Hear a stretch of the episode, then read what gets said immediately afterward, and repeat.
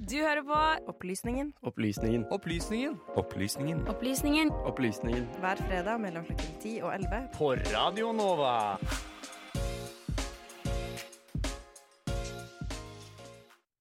For to år siden var det mye blest rundt ACER, EUs organisasjon for energisamarbeid. Stortinget besluttet omsider at Norge skulle gå inn i energisamarbeidet, men politikerne hadde delte meninger. Kritikerne hevdet at medlemskapet bl.a. ville få store konsekvenser for strømpriser her i Norge og Norges selvråderett. Tilhengerne på sin side mente at samarbeidet ville sikre grønnere energi til Europa. Ja, jeg må faktisk si jeg har glemt den striden litt, jeg. Men den høres jo såpass viktig ut at eh, det er noe som kanskje burde diskuteres eh, offentlig.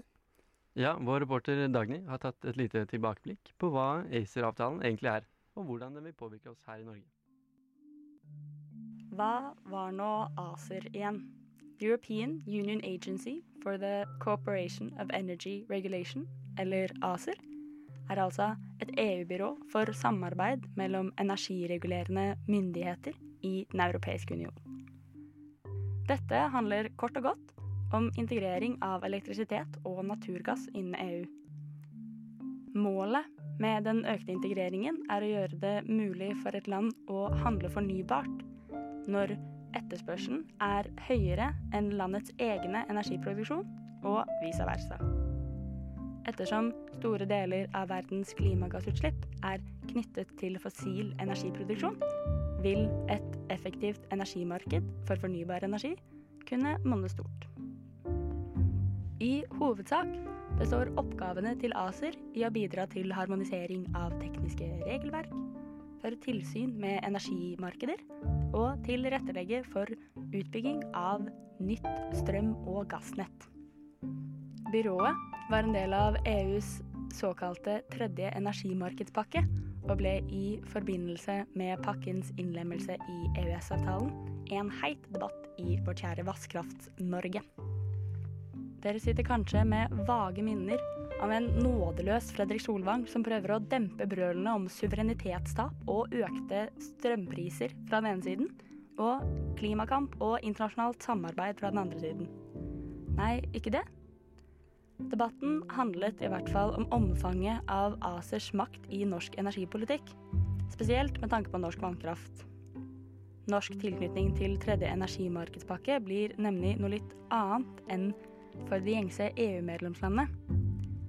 De fleste av våre venner rundt om i Europa er avhengig av å importere energi der vi eksporterer.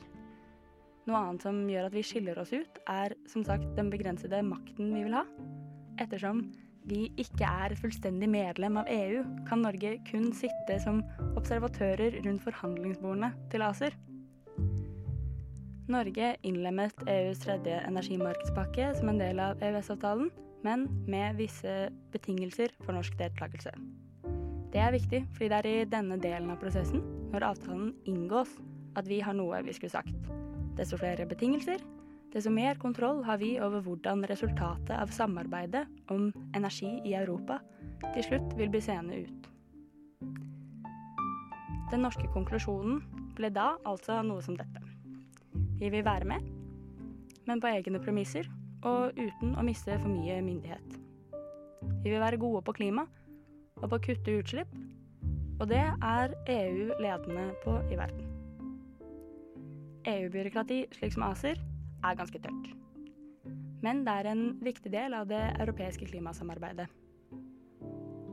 Ved årsskiftet adopterte Europakommisjonen en ny klima- og miljøstrategi kalt The European Green Deal.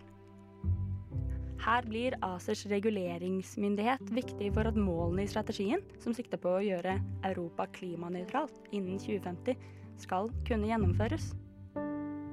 For å nå et slikt ambisiøst mål innebærer EUs nå fjerde energimarkedspakke en ytterligere utvidelse av ACERs mandat. I Norge er fjerde energimarkedspakke ikke ennå godkjent av Stortinget, så vi får se om Stortinget har endret mening om europeisk klimasamarbeid. Det var reporter Dagny Sand Hårberg, det der. Så gjenstår det bare å se, da. Vil ACER gagne både oss og Europa? Det får tiden vise. Det vi iallfall vet, er at eh, på Radio Nova får du alltid den ferskeste og beste musikken. Og nå skal du høre noen sjelfulle neo-soul-toner fra Bergen.